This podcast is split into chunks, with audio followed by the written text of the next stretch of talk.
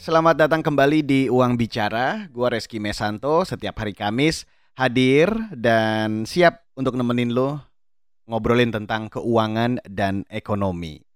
Apa kabar? Mudah-mudahan dalam kondisi yang baik ya.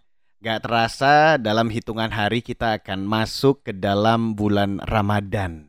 Ngomongin tentang bulan Ramadan, hari Senin kemarin tanggal 28 Maret, Uang Bicara live di official Instagramnya kbr.id. Di live kemarin gue ngobrol bareng seorang certified financial planner namanya Vera Trisiana. Kita ngobrolin bagaimana memanage keuangan di bulan Ramadan. Karena bulan Ramadan nggak cuma hati aja yang harus dijaga, dompet juga harus dijaga. Kalau gitu langsung aja yuk kita dengerin obrolan gua waktu live kemarin bareng Vera Trisiana, seorang certified financial planner. Jadi di episode kali ini kita akan ngobrol tentang jaga hati, jaga dompet di bulan Ramadan. Ya. Kan karena banyak yang niat awalnya oh bulan Ramadan nanti pasti bisa berhemat, tapi ujung-ujungnya malah nggak bisa hemat. Karena pengeluarannya yang nggak ada diada-adain. Misalnya banyak buka puasa, ya kan, Mbak? Yes, Nah. iya betul. Sebetulnya kalau kita bicara tentang jaga hati, jaga dompet. Kenapa Hmm. dompet mesti dijaga sih, Mbak, kalau di bulan Ramadan, Mbak? Pasti ya harus dijaga ya, karena pastinya bulan Ramadan ini bisa jadi role model buat bulan-bulan eh, sebelumnya nih. Pasti kita tahu ya bahwa di bulan Ramadan eh, identik dengan bagaimana kita menata hati, kita jaga hati kita agar kita bisa ibadah dengan baik, kemudian kita bisa mendapatkan eh, berkah di bulan Ramadan ini. Nah, hati aja dijaga, pasti dompet juga harus dijaga. Tapi tadi yang seperti Mas Reski bilang bahwa pada dasarnya ini sebenarnya sudah tradisi ya, kebiasaan-kebiasaan yang dilakukan oleh masyarakat se-Indonesia Raya ini berpotensi membuat kantong kita itu boncos di bulan Ramadan. Justru malah bikin boncos. Tadinya pengen berhemat, yang harusnya bisa berhemat dong Mas, bener nggak? Betul. Makan tadinya tiga kali, sekarang cuma dua kali. Tapi kok di akhir bulan harusnya uangnya sisa, eh malah tekor. Ya, mungkin kita harus pintar-pintar mengatur uh, lifestyle dan gaya hidup kita selama bulan Ramadan ini gitu. Jadi kalau tulus itu punya lagu hati-hati di jalan, kalau kita itu Mm-mm. harus hati-hati di Ramadan gitu ya, Mbak. Perhatinya ya.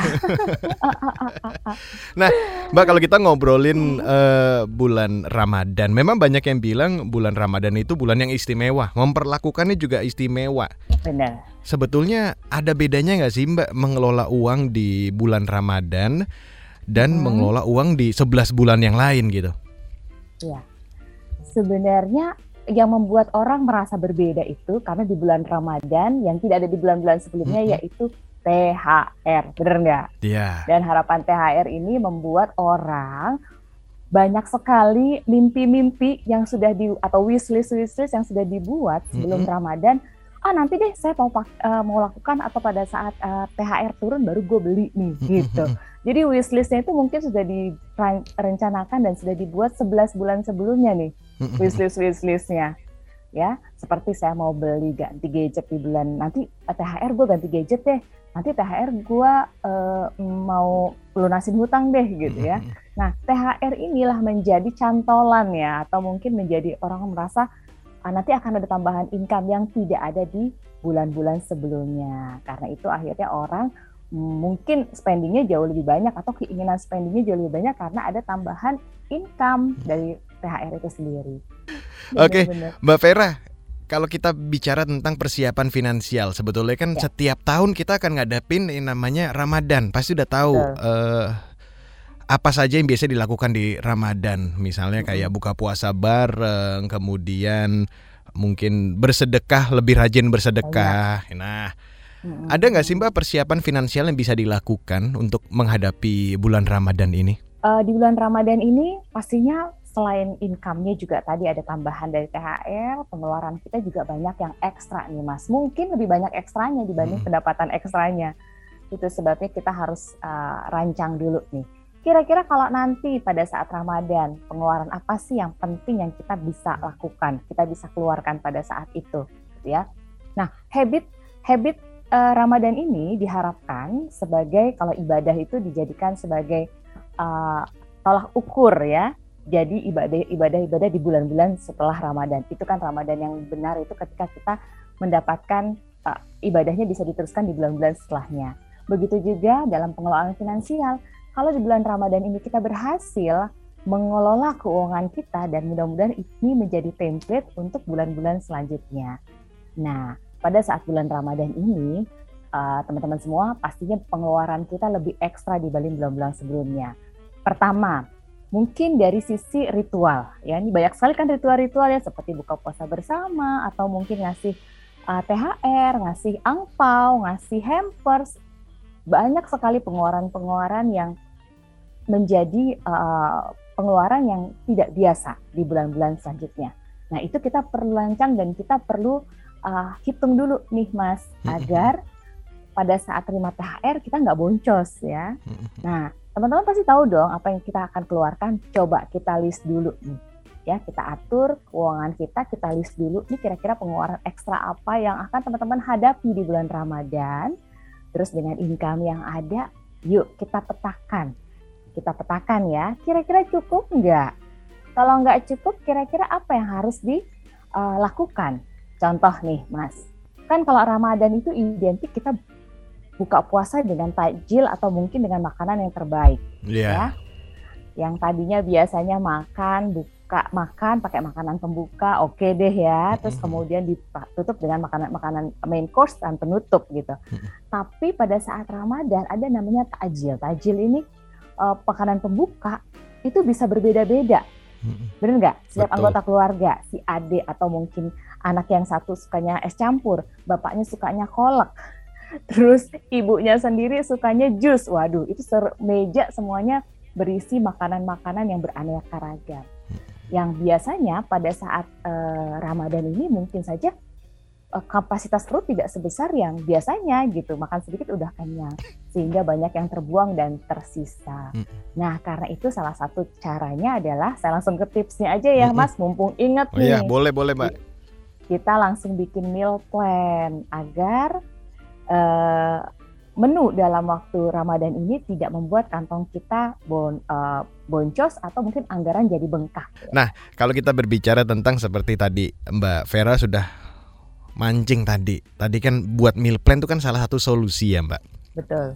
Selain itu Mbak ada nggak sih solusi untuk kita bagaimana kita bisa uh, mengatur cash flow kita untuk menghadapi rutinitas di bulan Ramadan? Atau mungkin bisa bahasa kerennya manajemen cash flow kita lah gimana Mbak ngatur? Yang pertama mindsetnya dibenerin dulu mm -hmm. ya bahwa Ramadan ini bukan berarti kita uh, berfoya-foya atau me, me, mengeluarkan pengeluaran yang tadinya mungkin kita nggak pernah keluarkan di bulan-bulan biasa ya jadi sebenarnya mindsetnya bahwa Ramadan ini adalah sama seperti bulan-bulan sebelumnya yang yang berbeda adalah kita menahan menahan tidak makan dari pagi sampai sore mm-hmm. dan ketika sore pada saat berbuka ya kita berbuka uh, biasa aja gitu nggak nggak terlalu heboh dan karena itu sebenarnya tradisi sih mas tradisi.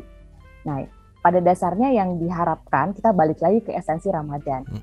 Yang diharapkan adalah kita sama-sama menyadari bahwa uh, Ramadan ini adalah satu bulan buat pendidikan gitu ya. Hmm. Mendidik diri kita, menahan nafsu, begitu juga pada saat buka puasa itu juga nahan nafsu ya, jangan hmm. semua dibeli.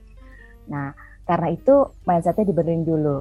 Yang kedua, yang kedua sama seperti bulan-bulan sebelumnya. Artinya kalau bulan-bulan sebelumnya budget untuk buka uh, untuk makan ya. Kebetulan kalau di manajemen keuangan keluarga itu ada cash flow khusus Mas buat uh, belanja bulanan gitu ya, belanja bulanan, belanja harian. Nah, itu juga pada saat Ramadan kalau bisa nggak boleh keluar dari pattern itu, jadi sama aja. Contoh nih, kita nggak makan siang, bener nggak? Kita nggak makan siang, kita cuma makan dua kali, tadinya makan tiga kali. Nah, makan siang ini bisa dialihkan buat tambahan buka puasa, itu bisa. Atau kalau misalnya buka puasanya biasa-biasa aja dengan meal plan tadi yang udah kita buat, kita sebenarnya punya sisa di anggaran pada saat kita bulan Ramadan ini anggaran belanja kita pasti akan sisa gitu. Nah sisanya untuk kebutuhan yang lain. Jadi mindsetnya dulu dibenerin, Mas. Yang kedua teman-teman uh, usahakan menggunakan anggaran yang ada, ya.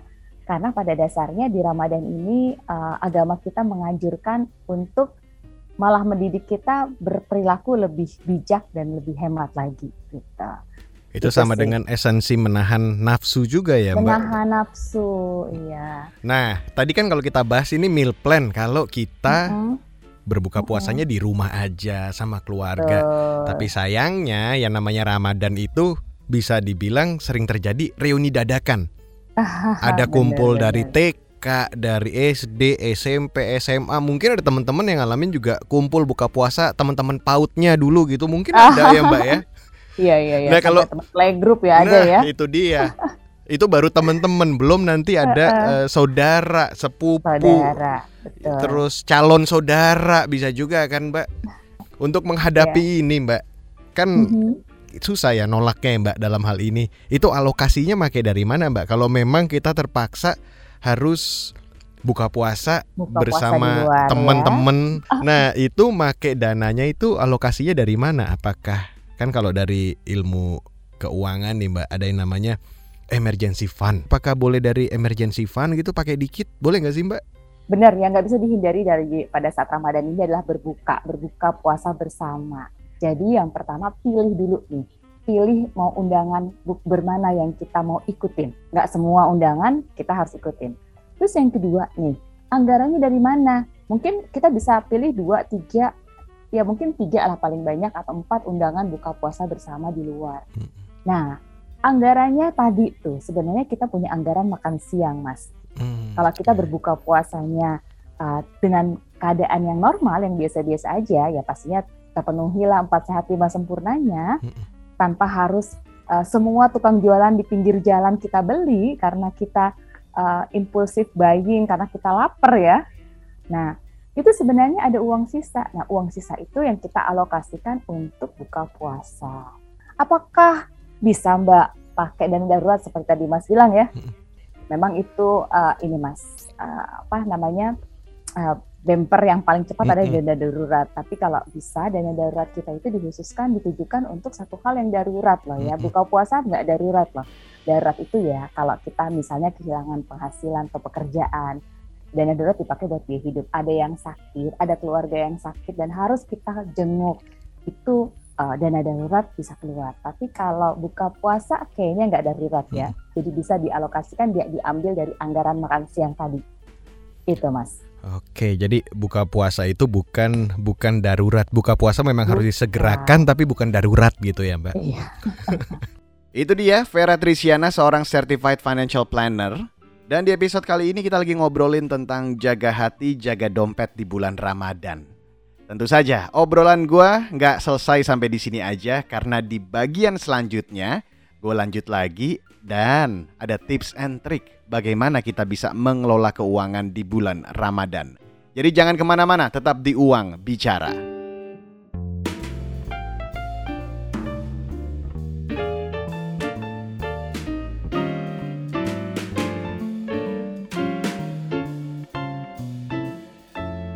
Masih di Uang Bicara dan gue Reski Mesanto masih nemenin lo Di episode kali ini kita lagi ngobrolin tentang jaga hati, jaga dompet di bulan Ramadan. Ada Vera Trisiana, seorang certified financial planner yang nemenin gue di episode kali ini. Lanjut lagi yuk. Mbak Vera, kalau kita ngebahas tentang pengeluaran. Dari kacamata seorang financial planner seperti Mbak Vera boleh nggak sih Mbak di-share ke teman-teman kira-kira selama Ramadan pengeluaran-pengeluaran apa yang satu sebetulnya nggak penting dan bisa jadi warning sebetulnya nih ini bisa mengganggu cash flow nih. Silakan Mbak. Yang pertama ya, yang mungkin akan keluar di bulan Ramadan atau mungkin sampai menjelang Lebaran. Mm-mm. Yang pertama adalah buka puasa. Tadi kita udah bahas gimana cara solusinya, bagaimana buka puasa ini tidak membuat kantong kita bolong, Mm-mm. ya. Dianggarkan dan dialokasikan, nggak semua undangan perlu kita hadiri. Terus yang kedua nih, biasanya uh, alokasi ini, Mas, alokasi beli baju baru. Mm-mm. Nah, ya apalagi kalau ada keluarganya besok kembaran ya, seragaman ini ya gitu. Nah, mulai dari sekarang mungkin uh, kalau teman-teman yang memilih prinsip hidup minimalis, minimalis ya, atau mungkin frugal living itu uh, sebisa mungkin kita tinggal buka aja lemari baju kita. Banyak kok baju-baju yang kita masih bisa pakai dan uh, masih layak pakai untuk lebaran tahun ini. Jadi budget untuk baju kayaknya kita nggak perlu pakai ya. Terus yang ketiga nih uh, yaitu memberi bingkisan. Memberi bingkisan untuk sahabat, saudara atau mungkin teman-teman hampers ya kalau bahasa kerennya. itu kan sekarang jadi barang yang lazim mas masa sih orang kirim kita nggak kirim balik Iya. bener nggak Itu biasanya salahnya titik di situ tuh. Karena kalau kita Iya. dikirim, masa kita nggak kirim, gengsi dong gitu ya. Betul, gengsi dong padahal sebenarnya nggak wajib juga kok teman-teman untuk mengirimkan kalau anggarannya tidak ada Udah ya tadi pertama itu buka puasa terus beli baju baru uh, kasih bingkisan hampers buat uh, keluar teman dan kerabat terus yang keempat nih mas ya biasanya ngasih angpau Hmm. Nah, ini tradisi sih ya, tradisi. Ngasih angpau dari yang lebih tua ke yang muda, dari pona, ah, dari eh, tante ke keponakan gitu. Kalau datang, ayo kasih angpau. Itu kan sebenarnya cuma tradisi, bener nggak? Mm-mm. Baik sih kalau kita punya anggaran khusus untuk memberikan sesuatu pada saat bulan Ramadan. Tapi kalau nggak ada, gimana? Nah, kalau nggak ada, mungkin kita siasati nih. Perlu kita siasati pengeluaran ini. Nggak harus juga dong ngasih angpau, Mm-mm. bener nggak? Betul. caranya ya mungkin kita beli hadiah-hadiah kecil yang mungkin nggak bisa dinilai kan jadi kadang-kadang itu pricelessnya itu bukan di uangnya gitu ya mas ya mungkin Mm. hadiah itu bisa jadi sesuatu yang priceless karena nggak bisa dinilai dengan nominal uang Kita masih ngomongin tentang pengelolaan keuangan. Biasanya kesalahan-kesalahan yang muncul. Tadi kan kita udah ngobrolin 5. 5 yang Iya. bisa harus jadi warning nih. Bukan sekali lagi ya teman-teman bukan berarti nggak boleh tapi harus diperhitungkan dengan baik yang lima. Disiasati. Ah. Hmm. kesalahan dalam pengelolaan keuangan di dalam Ramadan nih Mbak. Sebelum kita tidak bicara Lebaran nih Mbak, kita ngomongin selama Ramadan aja gitu. Kadang-kadang kan suka ada kesalahan. Biasanya yang Mbak Vera mungkin sering amati atau dapat cerita dari klien itu apa Mbak kesalahan pengelolaan keuangannya Mbak? Oke, kesalahan biasanya ya di pada saat Ramadan uh, orang biasanya disebut ngabuburit tuh kalau udah sore ya. Hmm. yang biasanya eh, perilaku yang salah ya, perilaku yang salah menurut saya kurang tepat adalah ketika kita berbelanja pada saat jam-jam rawan itu. Jadi kalau teman-teman eh, sahabat semua pergi belanja, usahakan tidak di jam-jam rawan. Jam rawan itu jam menuju buka puasa. Mau belanja apa pun, mau belanja bahan makanan, mau belanja pakaian, mau belanja baju atau mau sepatu, semua tidak dianjurkan pada saat kita hungry pada saat Ramadan, saat yang kritis itu menjelang setelah eh, zuhur sampai menjelang buka puasa. Ini jam-jam segini nih Mas. Jam Nah, padahal- rame lah ya. Jam mulai ramai padahal jam-jam segini biasanya orang udah mulai ngadem di mall. Terus kemudian ah untuk nanti sekalian buka puasa saya muter dulu deh, ngiter dulu deh di mall, jalan dulu. Akhirnya beli ini, beli itu, itu yang bikin kantong kita boncos. Salah satunya itu, ya. Nah Mbak Vera, tadi kita udah ngomongin THR. Kalau misalnya ada Mm-mm. teman-teman berprinsip gini. Ya. Teman-teman semua mungkin punya yang namanya emergency fund. Namanya Ramadan itu selain lapar mata adalah lapar karena diskon. Boleh nggak sih Mbak misalnya gini, kita punya emergency fund, THR belum keluar nih. Ya. Tapi tiba-tiba kita ngeliat wah diskon nih, wah ini murah nih, wah ini lucu nih kalau nanti teman-teman buka puasa di rumah gitu. Kita beli dulu, terus kita beranggapan ah nanti kita bayar deh pakai eh kita pakai budget emergency fund, nanti kita bayar pas THR. Ba- boleh nggak Mbak kayak gitu Mbak? Kan dibayar dalam prinsipnya kan dibayar lagi nanti pas THR. Oke, balik lagi ya. Pengeluaran itu pengeluaran apa nih? Kalau sesuatu pengeluaran yang urgent boleh, tapi Mm-mm. kalau pengeluarannya nggak urgent, bukan kebutuhan primer, tapi kebutuhan tersier, Mm-mm. itu lebih baik kita hindari. Karena untuk pada dasarnya membeli sesuatu, kita cek lagi apakah ini adalah sebuah kebutuhan kita, kebutuhan primer kita, atau cuma keinginan. Nah, ada dua nih, kebutuhan atau keinginan. Kalau yang kita beli itu sesuatu yang primer nih, saya harus beli beras. Kalau nggak beli beras, saya nggak bisa makan, nggak bisa buka, nggak bisa sahur. Monggo pakai dana darurat. Tapi kalau saya nggak bisa ganti handphone pada saat bulan Ramadan ini, terus kemudian saya ambil, uh, saya bayar pada saat THR nanti, nah itulah yang dihindari gitu. Jadi walaupun prinsipnya nanti dibayar pas THR ke Tetap. kantong emergency itu tetap nggak boleh ya Mbak. Pokoknya Ramadan ini tidak boleh mengganggu source yang sudah kita plot-plotin gitu. Iya. Intinya seperti itu ya Mbak. Iya betul. Nah salah satu solusinya, salah satu solusinya mungkin banyak dilakukan teman-teman adalah em, untuk Hmm. nambel kebutuhan-kebutuhan itu biasanya bikin usaha dadakan, bikin kue atau bikin tajil seperti itu Mbak.